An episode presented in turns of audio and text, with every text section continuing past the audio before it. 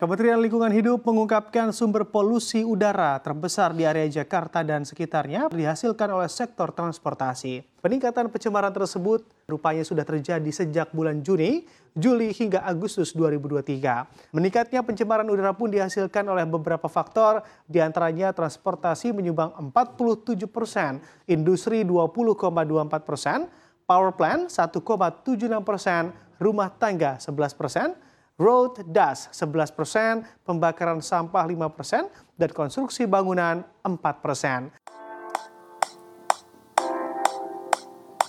Selamat datang di Ide Ekonomi. Sebuah platform informasi mengenai isu ekonomi dengan sumber yang kredibel dan bahasa yang mudah dimengerti. Pantau terus sosial media kami di @idekonomi_id.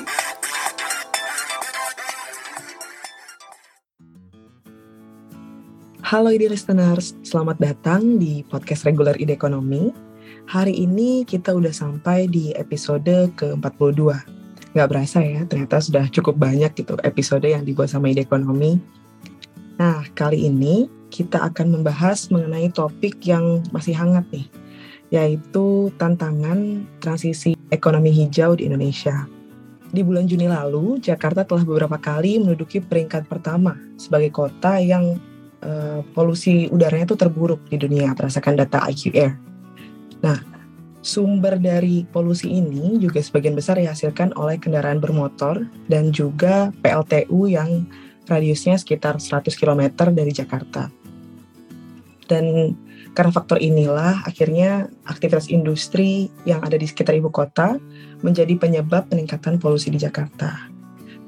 Nah, padahal sebenarnya memang kegiatan industri ini diperlukan gitu sebagai faktor terbesar di pertumbuhan ekonomi. Dan pemerintah pun sebenarnya sudah membuat komitmen lewat beberapa target pengurangan emisi dan juga kebijakan pendukung industri hijau untuk uh, ke depannya merealisasikan kemajuan ekonomi Indonesia yang lebih berkelanjutan dan tidak mengorbankan kelangsungan hidup masyarakat. Oh iya, aku belum perkenalan diri. Sebelumnya, aku Kartika. Hari ini kita akan ditemani oleh uh, Kak Albertus Prabu Siagian.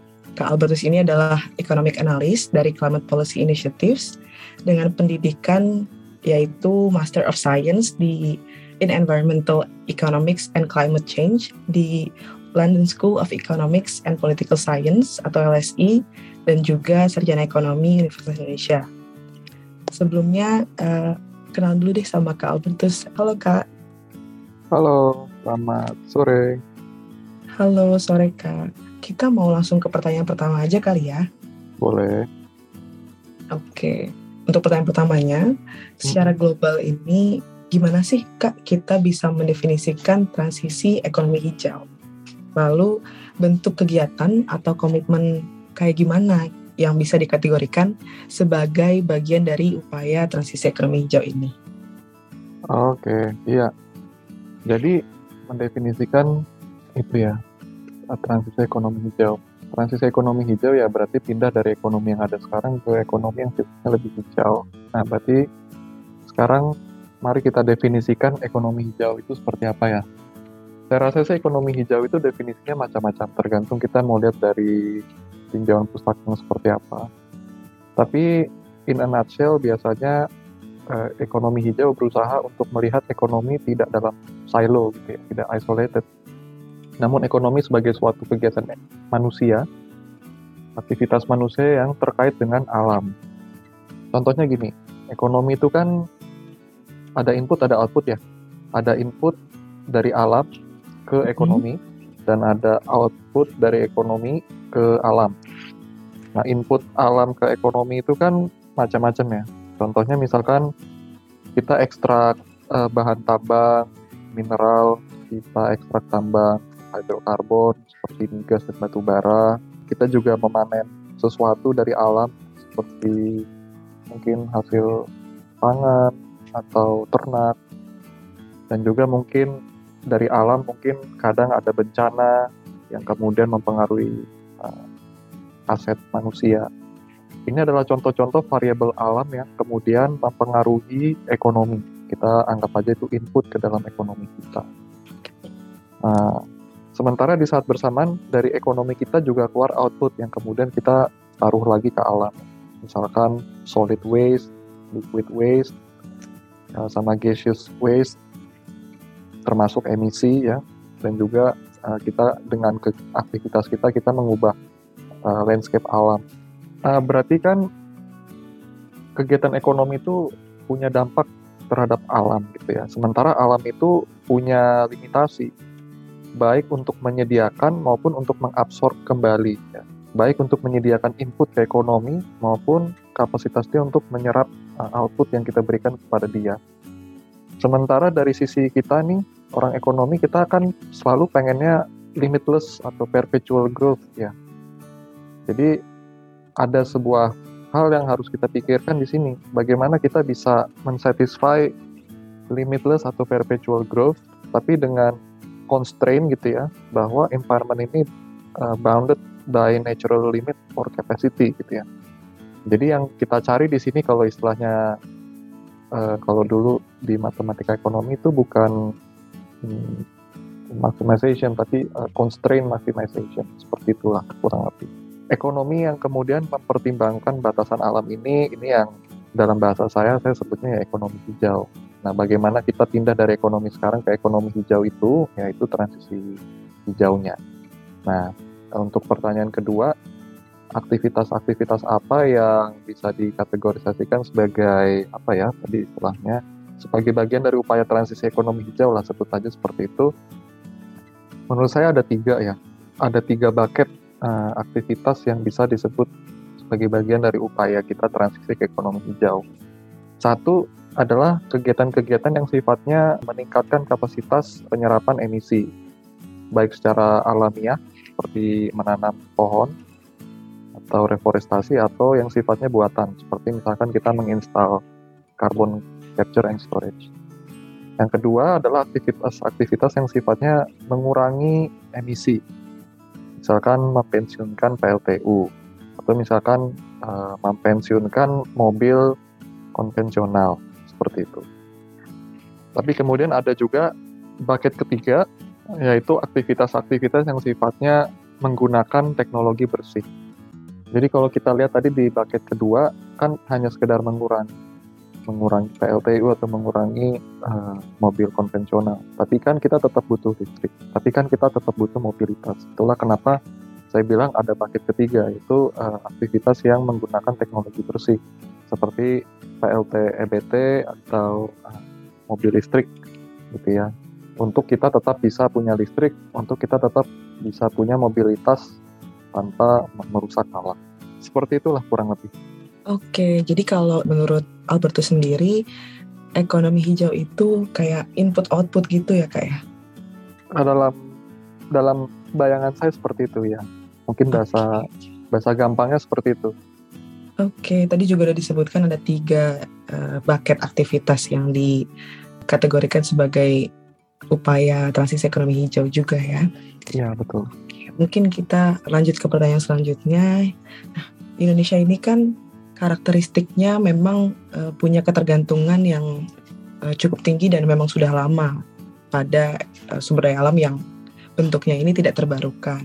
Nah, apakah hal ini berdampak terhadap terhambatnya proses transisi ekonomi hijau untuk ke depannya, di mana perilaku pemerintah, industri, dan masyarakat akan membutuhkan waktu yang lebih lama, juga biaya yang lebih besar uh, untuk melaksanakan komitmen.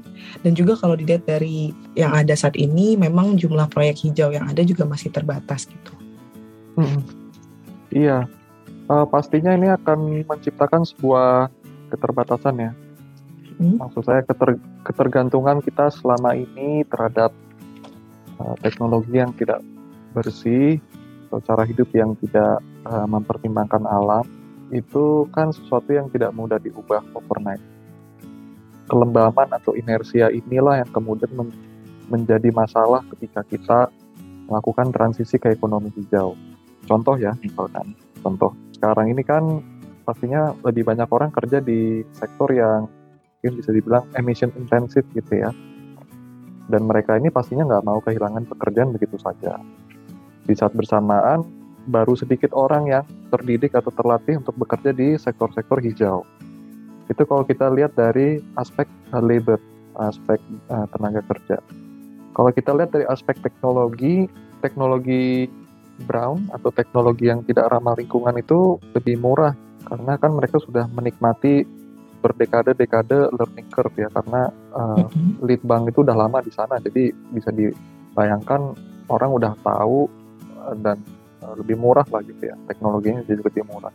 Sementara teknologi hijau itu masih mahal karena either lead banknya tidak sebanyak uh, itu karena kan memang itu hal yang baru atau uh, ya kapasitas manufaktur dalam negeri kita untuk yang sifatnya teknologi hijau masih lemah jadi barang-barang atau teknologi hijau itu masih mahal seperti itu. Nah, tadi aspek tenaga kerja udah saya jelaskan ya. Terus barusan kan aspek teknologi ya. Kedua aspek ini menurut saya mewakili sisi produksi dari eh, ekonomi. Sekarang kita coba lihat sisi konsumsinya ya. Sisi konsumsi ini banyak dipengaruhi oleh apa? Aspek permintaan. Aspek permintaan ini juga kalau kita lihat ketergantungan kita terhadap sektor-sektor yang tidak ramah lingkungan itu membuat masalah. Contoh tadi seperti yang saya bilang ya banyak produk tidak ramah lingkungan itu kan karena lebih murah ya karena teknologi sehingga demand untuk barang-barang itu masih lebih tinggi. Hmm. Nggak, nggak, nggak cuma itu, eh, produk-produk itu juga kadang murah karena disubsidi gitu kan, BBM hmm. atau listrik gitu ya. Maksudnya listrik ini dengan asumsi dia uh, dari PLTU ya. Terus juga permintaan untuk produk hijau itu lebih rendah karena harganya lebih mahal seperti yang tadi saya bilang dan juga karena infrastruktur pendukungnya masih sedikit. Misalkan stasiun pengisian listrik itu untuk mobil listrik ya. Sama kadang ada ini ketidaksinambungan antara uh, supply and demand. Contoh misalkan di Jawa ini listriknya oversupply. Jadi akhirnya kadang kita mau bikin solar rooftop di Jawa ini agak ke sana kayak dihalang-halangin karena di situ sebenarnya katanya berlimpah seperti itu. Jadi kan hal-hal yang barusan saya sebut itu menimbulkan permasalahan di aspek permintaannya bahwa permintaan itu lebih banyak untuk sektor brown ketimbang sektor hijau. Jadi kalau kita tarik balik lagi tadi ke atas, sisi produksinya problematik, sisi konsumsinya juga problematik. Akibatnya apa ya? Akibatnya ya bahwa mungkin lebih banyak uang entah modal entah pinjaman tuh masih diberikan untuk bisnis-bisnis yang sifatnya brown. Karena memang di situlah attractiveness-nya ya masih di situ. Atau permintaannya memang paling banyak masih di situ. Sehingga karena lebih banyak uang berputar di situ sedikit sekali uang yang tersisa yang bisa diputar di sektor hijau. Jadi ada little money supply left available untuk bisa diinvestasikan di uh, green business Sementara di saat bersamaan karena tadi uh, green business itu masih dianggap uh, tidak commercially viable, dianggap beresiko, jadi menimbulkan uh, lower willingness ya, keinginan yang lebih kecil untuk melakukan bisnis hijau. Akhirnya kalau tadi little money supply, ini juga jadi bikin little money demand untuk proyek-proyek hijau. Yang akhirnya uh, hasilnya apa? Ya berarti kan ada uh, level yang rendah untuk pembiayaan untuk proyek-proyek hijau sifatnya. Di samping itu juga yang mungkin menyebabkan kenapa suku bunga untuk proyek hijau itu lebih mahal ya. Karena uang yang tersedia untuk diputar di situ lebih kecil, jadi ada uh, kelangkaan uang atau ya dianggap berisiko aja gitu proyek hijau. Seperti itu. Sorry, mungkin kepanjangan tapi semoga nggak kepanjangan. Dan semakin lama kita melanjutkan hal-hal yang sifatnya beremisi, itu akan menyebabkan biaya proyek hijau akan makin meningkat. Ini contohnya ya. Semakin lama kita melanjutkan PLTU, semakin banyak mm-hmm. emisi di angkasa, semakin banyak hutan yang mesti kita tanam kembali. Artinya apa? Semakin banyak uang yang kita gelontorkan untuk melanjutkan PLTU, semakin banyak juga uang yang harus kita gelontorkan untuk menanam kembali pohon. Jadi menurut saya korelasinya di situ. Kalau yang satu tinggi terus eh, kebutuhannya, yang satu juga tinggi terus kebutuhan uang jadi itu nggak ideal gitu ya udah itu aja sih yang saya mau tambahin Oke, jadi kalau misalkan uh, brown ini semakin banyak, justru biaya buat bikin yang green itu juga semakin meningkat gitu ya kak ya?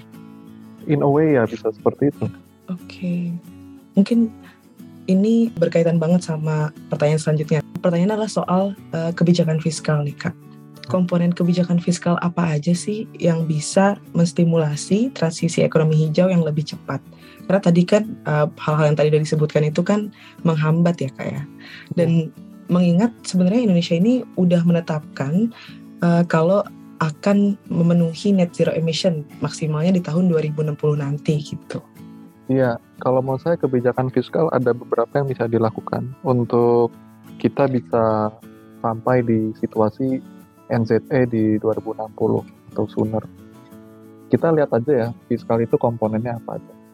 Uh, fiskal itu kan berarti ada pendapatan fiskal, ada pengeluaran fiskal, dan ada pembiayaan defisit fiskal gitu ya kan. Jadi in case misalkan ternyata pengeluaran fiskal lebih besar dari pendapatan fiskal, cara menutupinya seperti apa itu yang biasa kita sebut dengan pembiayaan fiskal. Oke, kita lihat satu-satu ya. Pendapatan fiskal. Kita bisa melakukan carbon taxation, pendapatan pajak karbon. Nah, kita juga bisa melakukan carbon trading. Carbon trading ini bukan berarti kemudian trading karbon yang sama pemerintah, tapi maksud saya dengan memfasilitasi pasar karbon ada fee yang kemudian uh, pemerintah dapatkan. Maksud saya seperti itu. Lalu untuk uh, komponen pengeluaran fiskal ada beberapa juga yang bisa kita lakukan. Uh, misalkan kita hilangkan secara perlahan subsidi untuk BBM dan listrik, dan mungkin juga kita bisa hilangkan secara perlahan pengeluaran untuk infrastruktur-infrastruktur uh, brown seperti misalkan kilang minyak dan segala macam. Lalu untuk membiayai defisit fiskal, in case ternyata pengeluaran fiskalnya lebih besar dari pendapatan fiskal, yang sebenarnya selama ini memang seperti itu. Saya rasa ada beberapa hal juga yang bisa dilakukan ya. Misalkan uh, kita melakukan green borrowing atau meminjam uang untuk keperluan proyek hijau, tapi kita minjamnya dari institusi yang saya sebut sebagai kuasai government ya, kuasi government atau semi pemerintah. Misalkan eh, LPS, LPDP atau BPJS gitu ya. Mungkin kan ada ada banyak aset yang sebenarnya mereka pegang tapi selama ini asetnya mereka putar lebih di tempat lain yang tidak terlalu berhubungan dengan proyek hijau. Mungkin kalau bisa ya mereka putar aja di proyek hijau kan seperti itu. Sama okay. terakhir kita mencari uh, sumber pembiayaan dari luar negeri yang sifatnya murah, seperti misalkan hibah atau pinjaman dengan bunga lunak, seperti itu. Nah, hal-hal tadi itu, apa aksi-aksi fiskal tadi itu bagaimana kira-kira berdampak kepada pencapaian NZE. Kalau menurut saya ada tiga channelnya, bagaimana hal-hal tadi itu bisa membuat kita mencapai situasi NZE. Satu, bahwa hal-hal tadi atau aksi-aksi tadi itu setidaknya akan membuat kapasitas fiskal kita lebih besar. Dengan kita meningkatkan pendapatan fiskal dari tadi pajak karbon misalkan, dan juga mengurangi pengeluaran fiskal dengan meremove subsidi atau government spending itu, itu kan sebenarnya kita memperbesar kapasitas fiskal dan ini bagus karena kemudian kapasitas fiskal yang lebih besar ini, yang lebih lebar ini bisa pemerintah pakai untuk dua hal. Satu, membiayai proyek hijau yang memang dipimpin oleh pemerintah itu sendiri, preferably ya di sektor-sektor yang punya multiplier effect yang tinggi, dan juga uang-uang tadi itu bisa dipakai pemerintah untuk memberikan insentif ke uh, proyek-proyek yang dipimpin oleh pihak swasta. Contoh misalkan dengan memberikan subsidi atau garansi uh, atau mungkin menyediakan lead bank atau capacity building seperti itu ya. Uh, terus kemudian beberapa aksi tadi itu mungkin akan menciptakan uh, market demand untuk uh, proyek hijau. Kenapa? Karena uh, sekarang ternyata uh, kalau kita melanjutkan proyek uh, Brown dipajakin. Uh, terus juga sekarang uh, subsidi untuk PBM juga udah dicabut. Jadi akhirnya mau nggak mau orang jadi mulai terpikirkan untuk proyek hijau ya. Sama beberapa aksi tadi juga mungkin bisa mengdisincentivize aktivitas-aktivitas brown seperti yang tadi saya sebut gitu ya. Jadi karena market demand untuk proyek hijau itu meningkat, semoga membuat swasta jadi ingin juga melakukan proyek hijau di saat bersamaan kalau brown uh, proyek brown itu lebih apa ya terdisinsentifkan kan berarti ada pengurangan proyek brown. Jadi kemudian hasil akhirnya more green projects and less brown projects. Kurang lebih gitulah maksud saya. Oke, okay, oke. Okay. Kalau untuk uh, kebijakan fiskal tadi itu kan untuk sampai ke tahun 2060 masih ada sekitar 30 tahunan gitu ya Kak ya. Nah, Iya. dari kebijakan fiskal yang tadi disebutkan, yang ada Hmm. tiga tadi itu, apakah masing-masing punya tantangan sendiri dalam implementasinya eh, ke depannya gitu kak? Iya, pastinya ada ya. Hmm, yang paling gampang misalkan ini deh, eh, kita hilangkan pelan subsidi untuk BBM dan listrik. Tantangannya kita semua udah tahu, pasti eh, pemerintah akan kehilangan eh, pop- popular support ya dari voter base. Jadi mungkin itu sesuatu yang akan sulit dilakukan oleh pemerintah. Terus contoh lain misalkan untuk carbon taxation ya, itu juga nggak gampang. Pastinya ada beberapa tantangan.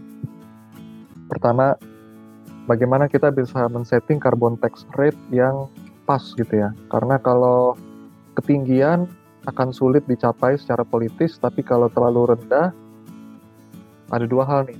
Climate goal-nya nggak nggak kesampaian, tapi fiscal revenue goal-nya juga nggak kesampaian gitu ya. Jadi nggak nendang. Oke, itu satu. Yang kedua pun akhirnya kita sepakat gitu ya, carbon tax rate-nya di suatu level eh, ada kemungkinan itu akan menciptakan inflasi karena kan sebagian besar bagian di ekonomi kita masih terhubung ke aktivitas-aktivitas hijau. Ini yang kemudian disebut sebagai greenflation, gitu ya. Terus kemudian nggak cuma itu ya, poin ketiganya kalau ada inflasi biasanya central bank akan counter itu dengan memasang interest rate yang tinggi. Tapi kalau interest rate tinggi ini akan membuat investasi jadi terganggu, termasuk investasi hijau itu sendiri in the first place. Jadi ini uh, kompleks sekali.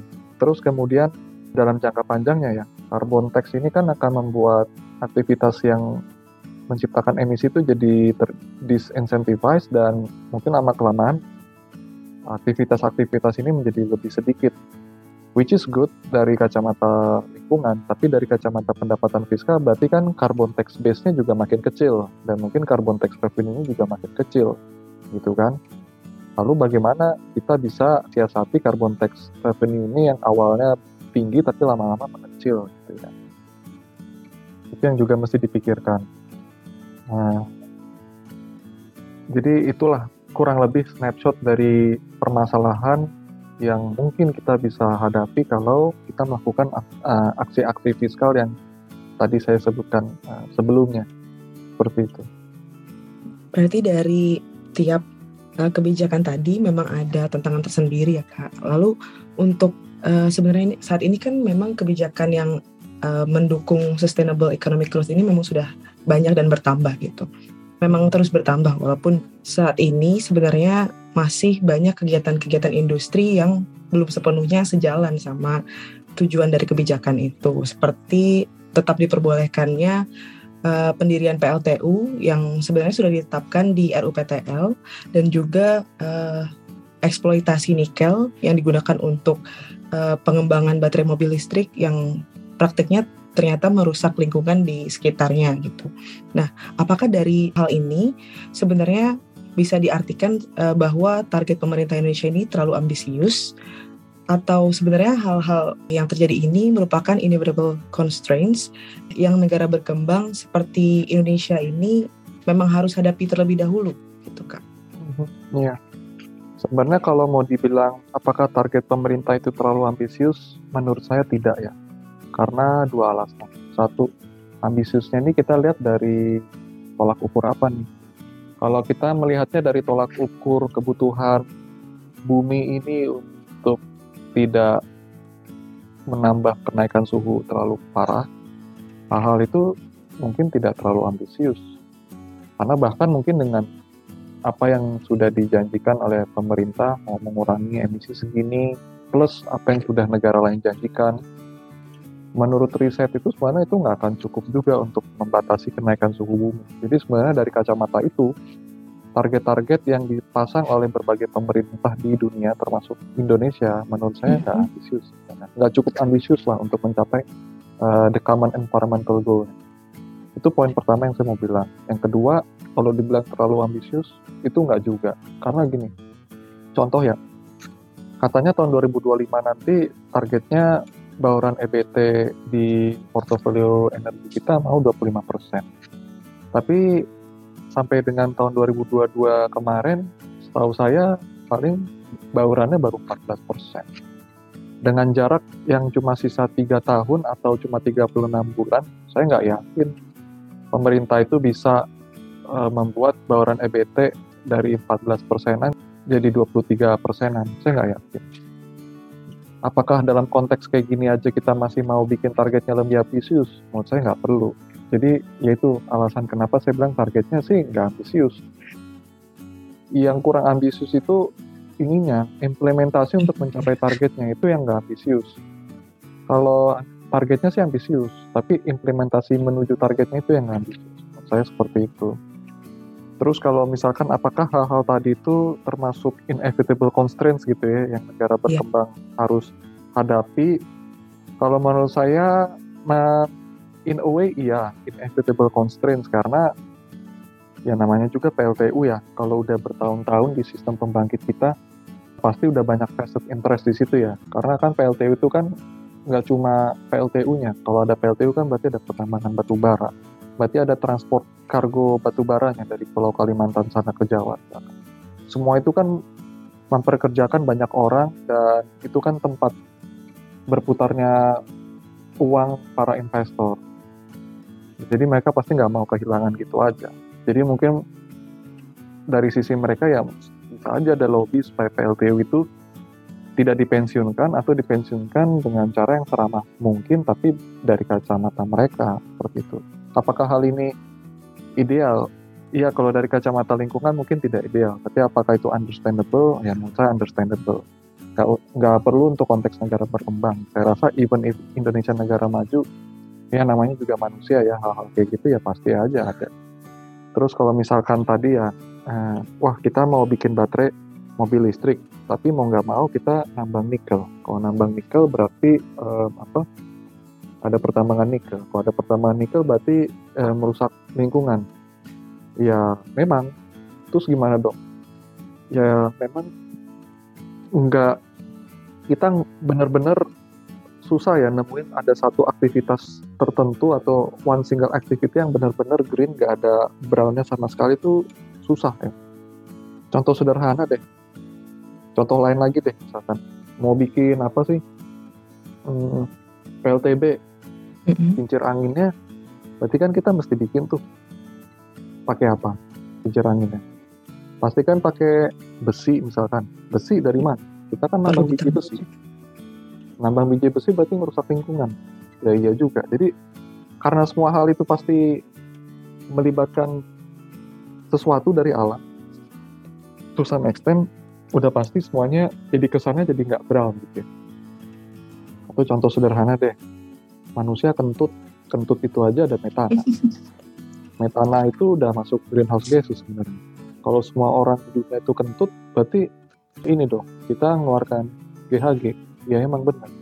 Memang lucu ya, tapi salah satu kontributor emisi yang cukup gede itu sebenarnya ini loh apa peternakan sapi. Iya. Kan makin banyak orang yang kaya makin pengen dong mereka makan yang lebih mewah daging sapi misalkan. Berarti kan peternakan sapi mesti makin banyak. Sapi makin banyak. Masalahnya sistem pencernaan sapi itu ya seperti itulah ceritanya. Tapi hasil akhirnya adalah ketika mereka kentut gitu misalkan itu yang saya baca eh, itu menciptakan metana dan metana itu ya bikin greenhouse gases juga.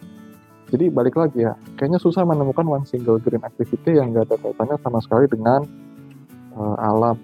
Jadi ya kadang itu inevitable memang in a way. Terus gimana dong? Ya paling kita bikin aja supaya secara relatif tidak terlalu berdampak bagi lingkungan lah. Tapi bukan berarti benar-benar gak ada dampaknya itu kayaknya nggak nggak bisa kayak gitu. For now ya dengan teknologi manusia yang ada sekarang. Gitu. Jadi memang berkaitan sama jawaban untuk pertanyaan pertama tadi ada input dan output. Memang manusia ini butuh masih banyak butuh input dari alam gitu ya kak. Dan uh, there's no single activity that is fully green gitu ya. Bahkan kita uh, mengeluarkan kentut pun itu adalah output yang uh, berdampak pada lingkungan gitu ya kak ya. Iya bener, jangan kan hmm. gitu. Itu waktu kita hidup, waktu kita mati nanti kita emang ngapain? Kubur dikubur berarti kan butuh kuburan kuburan kan berarti kita butuh bikin lahan kan buka lahan buka lahan emang kan nebang pohon nebang pohon Berarti sebenarnya kita mati pun kita masih bikin emisi. Oke deh, kalau gitu jangan dikubur deh, dikremasi. Lah, tapi badan kita ini kan karbon semua kan, Mm-mm. chain of carbon. Kalau dibakar, ngeluarin emisi juga. Ya mau gimana ya, udah seperti itu lah emang takdirnya. Makanya saya bilang, targetnya mungkin bukan supaya emisi itu nol, tapi net emisinya yang nol. Makanya kenapa namanya NZE, net zero emission. Karena kalau zero emission, kayaknya nggak bisa. Emission akan tetap ada, tapi setidaknya di saat bersamaan, meskipun kita bikin emisi, kita bikin emisinya sekecil mungkin sampai dia itu udah di bawah eh, kapasitas penyerapan bumi gitu. Jadi kan balik lagi ya tadi yang seperti saya bilang, bumi itu kan punya kapasitas penyerapan emisi. Kita berarti boleh ngeluarin emisi, eh, boleh banget, asalkan nggak melebihi kapasitas penyerapan itu. Jadi sebenarnya eh, tujuannya seperti itu harusnya, bukannya emisinya benar-benar nol, tapi emisinya dibuat lebih rendah dari kapasitas penyerapan bumi. Itu aja sebenarnya. Jadi sebenarnya dengan podcast ini saya juga pengen bikin orang tuh sadar bahwa eh, yang lebih realistis tuh cara melihatnya seperti itu. Oke, jadi kalau di kayak di matematika mungkin kanan dan kirinya seimbang gitu ya kak ya. Iya betul. Oke, nah eh, tadi kan kasus Indonesia nih kak. Kalau untuk negara-negara berkembang lainnya gitu, ada nggak sih yang punya kondisi serupa sama Indonesia, tapi udah berhasil melaksanakan transisi ekonomi hijau? Dan strategi apa nih yang negara-negara tersebut lakukan sampai bisa eh, berhasil mencapai hal tersebut? Iya iya. Saya sih nggak kepikiran ya ada negara berkembang lain yang serupa Indonesia tapi udah sukses secara hijau. Karena gini, pertama, negara lain yang serupa dengan Indonesia. Indonesia ini kan penduduknya banyak. Berarti contohnya terbatas ke negara yang juga penduduknya banyak. Eh, kayak Amerika, tapi Amerika negara maju ya, berarti nggak usah eh, apa deh, Cina, India, Brazil, oke fine. Tapi yang bikin kita beda dari mereka adalah kita negara kepulauan. Sementara negara-negara ini bukan negara kepulauan semua, negara yang benar-benar kontinental gitu ya, di atas daratan. Jadi dibilang serupa juga enggak. Makanya saya mikir apa ya negara di planet bumi ini yang penduduknya banyak ke Indonesia tapi bentuknya kepulauan ke Indonesia. Kayaknya nggak ada deh. Berarti mau nggak mau kan kita on our own nih. Mm-mm. Nah, jadi dari situ aja susah untuk nemuin uh, komparasinya. Yang kedua, ya anggaplah Indonesia itu bukan negara kepulauan lah. Oke, berarti banyak nih negara berkembang yang bisa kita compare. Tapi pertanyaannya, apakah ada negara berkembang yang sudah sukses secara hijau? Kita kita pasang dulu ya indikator hijaunya apa ya? To make it simple, mungkin seberapa banyak listrik dia yang berasal dari PLT EBT deh, termasuk eh, PLTA. Ya, anggap aja gitu. Kalau cuma itu sih sebenarnya banyak negara berkembang yang portofolio produksi listriknya berangkat dari EBT itu udah banyak. Eh, Negara-negara kecil biasanya. Tapi saya nggak bisa bilang itu karena mereka sukses transisi ya. Mungkin karena dari awal potensi alamnya itu cuma air misalkan, cuma PLTA. Jadi dari awal emang udah green gitu misalkan. Oh, ya kan, bisa aja kayak gitu. Jadi nggak bisa dibilang sukses dalam arti mereka transisi, tapi emang sukses karena emang kebetulan alamnya sangat memampukan mereka seperti itu dari awal. Gitu kalau menurut saya. Jadi kalau di- bisa dibilang strategi apa yang mereka lakukan untuk mencapai hal tersebut, ya karena belum ada success story-nya ya, mungkin menurut saya. Jadi belum ada strategi yang bisa kita pakai sebagai lesson learn untuk Indonesia. Seperti itu Oke. kalau menurut saya. Jadi kalau eh, dicari negara yang karakteristiknya benar-benar serupa tuh nggak ada gitu ya mas ya. Ini kayak lagunya Adele One and Only gitu. Iya, iya. Tapi ini seingat saya ya, kalau mungkin listeners ada kepikiran negara berkembang yang sudah sukses ya, ya udah oke aja sih. Tapi kok seingat saya nggak ada ya. Maksudnya kalaupun ada, saya cuma bilang itu kelihatannya sukses, tapi mungkin eh, success story-nya tuh bukan berangkat dari dari apa yang mereka lakukan, tapi lebih karena eh, apa ya endowment atau given variable yang ada di negara itu dari awal gitu. Karena mungkin penduduknya emang kebetulan sedikit, jadi gampang bikin EBT atau mungkin karena kebetulan kontur alamnya seperti apa sehingga emang dari awal EBT yang lebih merajai seperti itu loh maksud saya. Oke, jadi hal yang given gitu ya mas ya. Iya, Oke. Eh, Kak, eh, mungkin kita bisa beralih ke pertanyaan dari ide listeners, Mas, sebelum Iya. pertanyaan terakhir dari ide ekonomi. Oh, jadi ada dua pertanyaan nih, Mas. Oh ya. Yang pertama dari A. titik Farhan Nur. Eh, pertanyaannya, apakah energy transition mechanism atau ETM oleh pemerintah Indonesia sudah cukup untuk mencapai net zero emission di tahun 2060 nanti? Mungkin itu dulu Mas pertanyaannya. Iya. Tergantung seberapa lengkap apa yang masuk ke dalam kebijakan ETM ya. Karena cukup banyak porsi di kebijakan ETM itu biasanya lebih tentang bagaimana mempensiunkan PLTU. Nah, tapi yang juga harus dipikirkan adalah bagaimana kemudian kita bisa menambal kehilangan listrik dari PLTU yang hilang. Bagian itu tuh, bagian itunya tuh kayaknya eh, kurang menggaung, tidak semenggaung bagian bagaimana mempensiunkan PLTU-nya. Itu satu. Dan bagian eh, itu itu poin satu. Poin kedua adalah ini loh, cara mempensiunkan PLTU-nya ya kan adalah caranya tuh eh, pemerintah mengganti rugi PLTU itu. Udah pemerintah harus atau pihak apalah yang nanti akan membayar, udah pihak itu ha- harus membayar PLTU, pihak itu juga harus membayar bikin PLT EBT-nya kurang lebih kan gitu ya. Jadi double gitu ya. Padahal kalau kita mau ngikutin plek-plek gitu ya ekonomi lingkungan, biasanya tuh transisi ke hijau itu dilakukannya seperti ini. Yang mengotori lingkungan, dia yang bayar dengan cara dia dipajakin.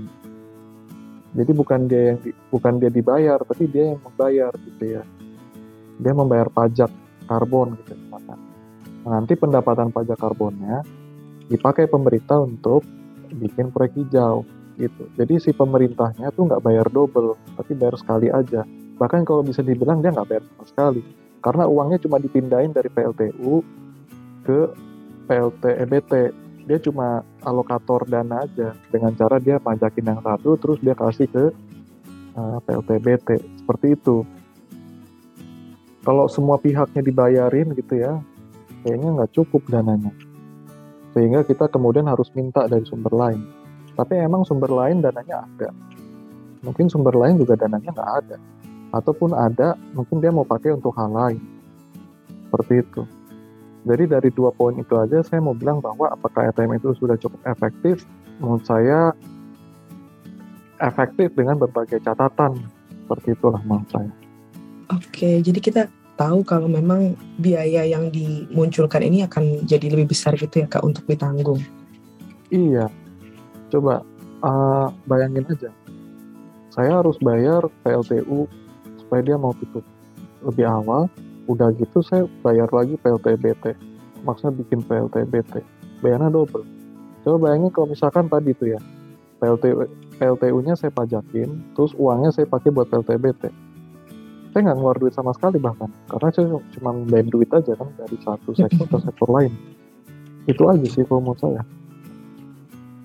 See, Nah, memang sih memang sih ada pajak karbon betul, tapi agresivitas gitu ya dari Mhm. pajak karbon saya cuma pikir pemerintah tuh lebih agresif menggaungkan kebijakan pajak karbonnya atau lebih agresif menggaungkan kebijakan mempensiunkan PLTU dengan cara mengganti ruginya? Itu aja sih Hmm, dibandingkan pajak yang tadi ya Kak ya.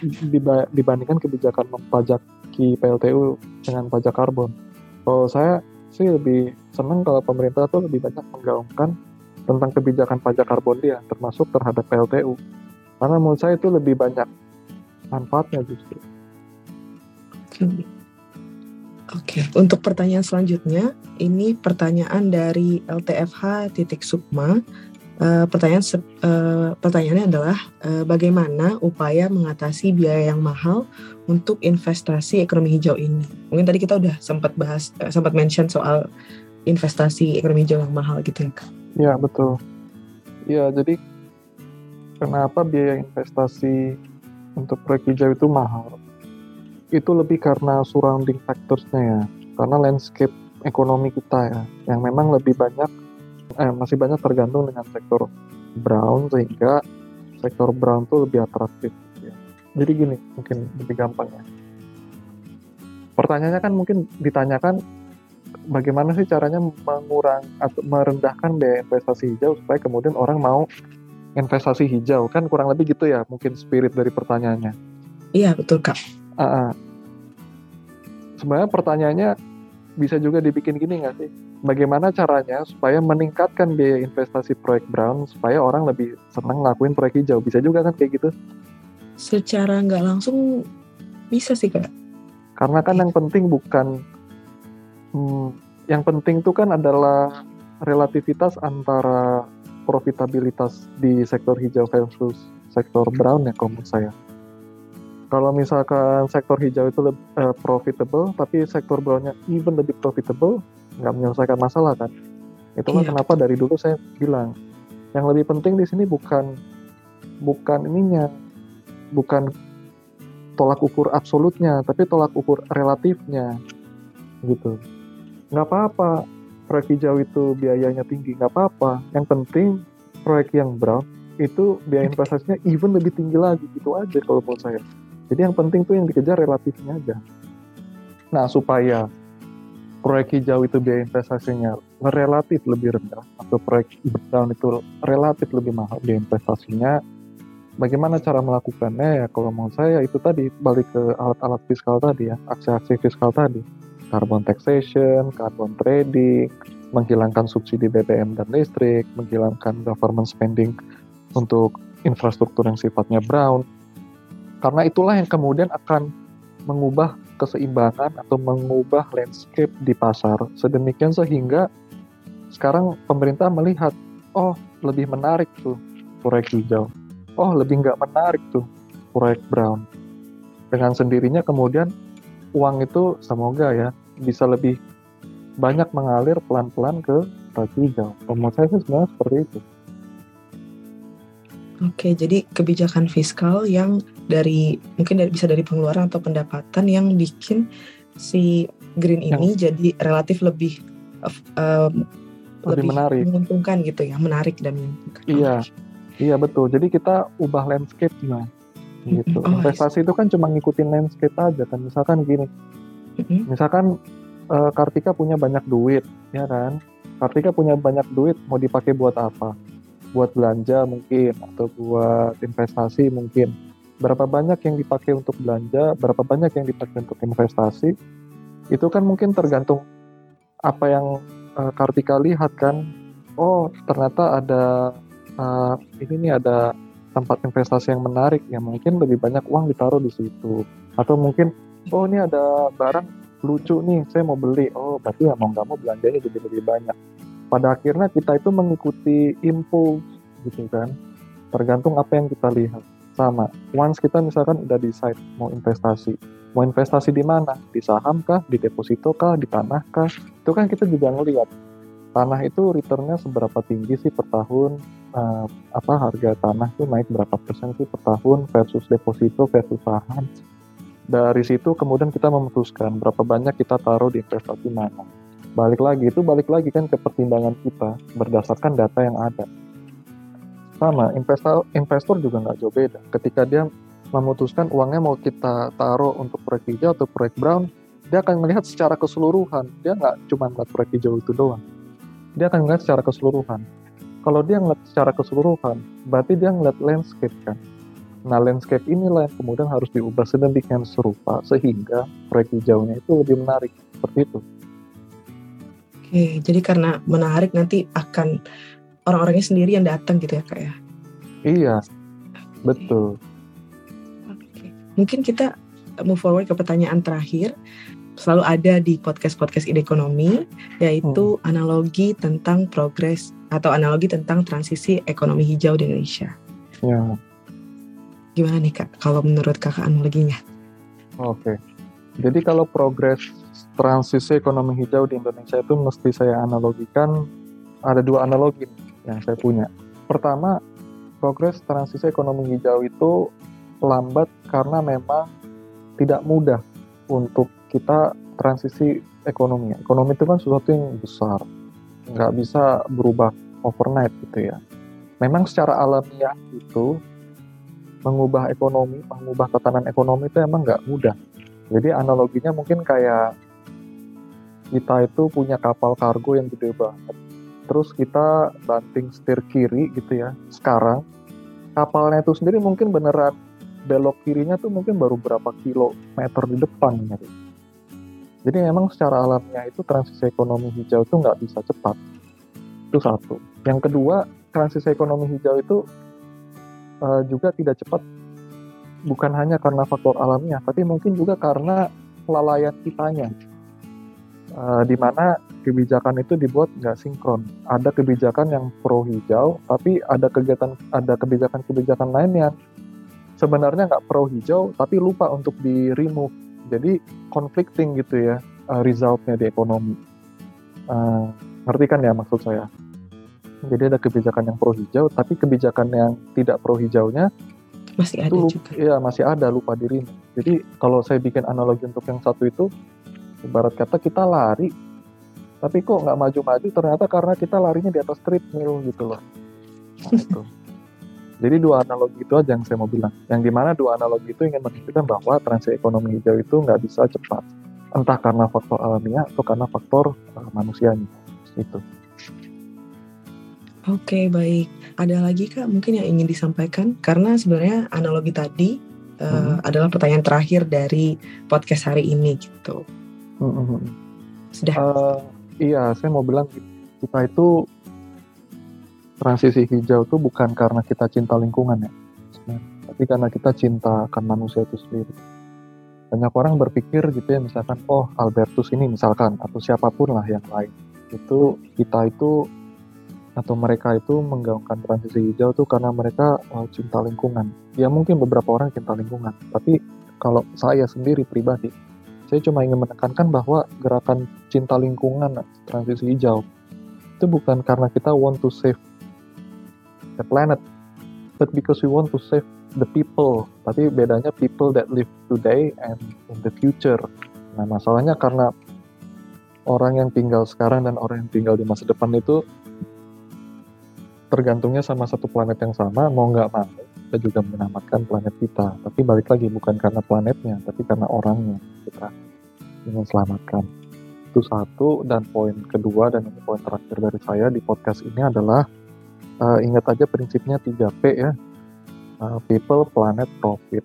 Kita tuh nyelamatin uh, kita tuh mau nyelamatin planet, misalkan itu ingat people-nya, dampaknya ke people sama uh, dampaknya ke profit. Karena kalau dampak ke people-nya nggak ada, nggak dapat support dari people. Kalau nggak ada dampak profitnya, nggak dapat support dari para pengusaha. Seperti itu. Tapi balik lagi ya tadi seperti yang saya bilang di poin pertama poinnya bukan menyelamatkan planet tapi menyelamatkan people. Jadi mungkin kalau dibalik sekarang kalau kita pengen nyelamatin people berarti uh, kita save ya planetnya sama jangan lupa uh, ingat profitnya juga. Karena kalau nggak nanti nggak dapat dukungan dari pengusaha. Nah, itu aja sih. Semoga paragraf penutup saya tadi malah nggak bikin bingung semuanya. Jadi ya, bikin inget-inget sih karena ada 3P tadi. Mungkin oh, listeners iya. perlu inget-inget juga nanti ke depannya kalau uh, dalam membuat keputusan jadi yang dipentingin tuh people dulu gitu ya Kak. Iya. iya. people, planet, dan profit. Oh, oh. Uh, jadi thank you, uh, terima kasih banget atas waktunya Kak Albertus. Analogi dan uh, statement tadi juga menutup podcast hari ini. See you, ideal listeners, di podcast selanjutnya.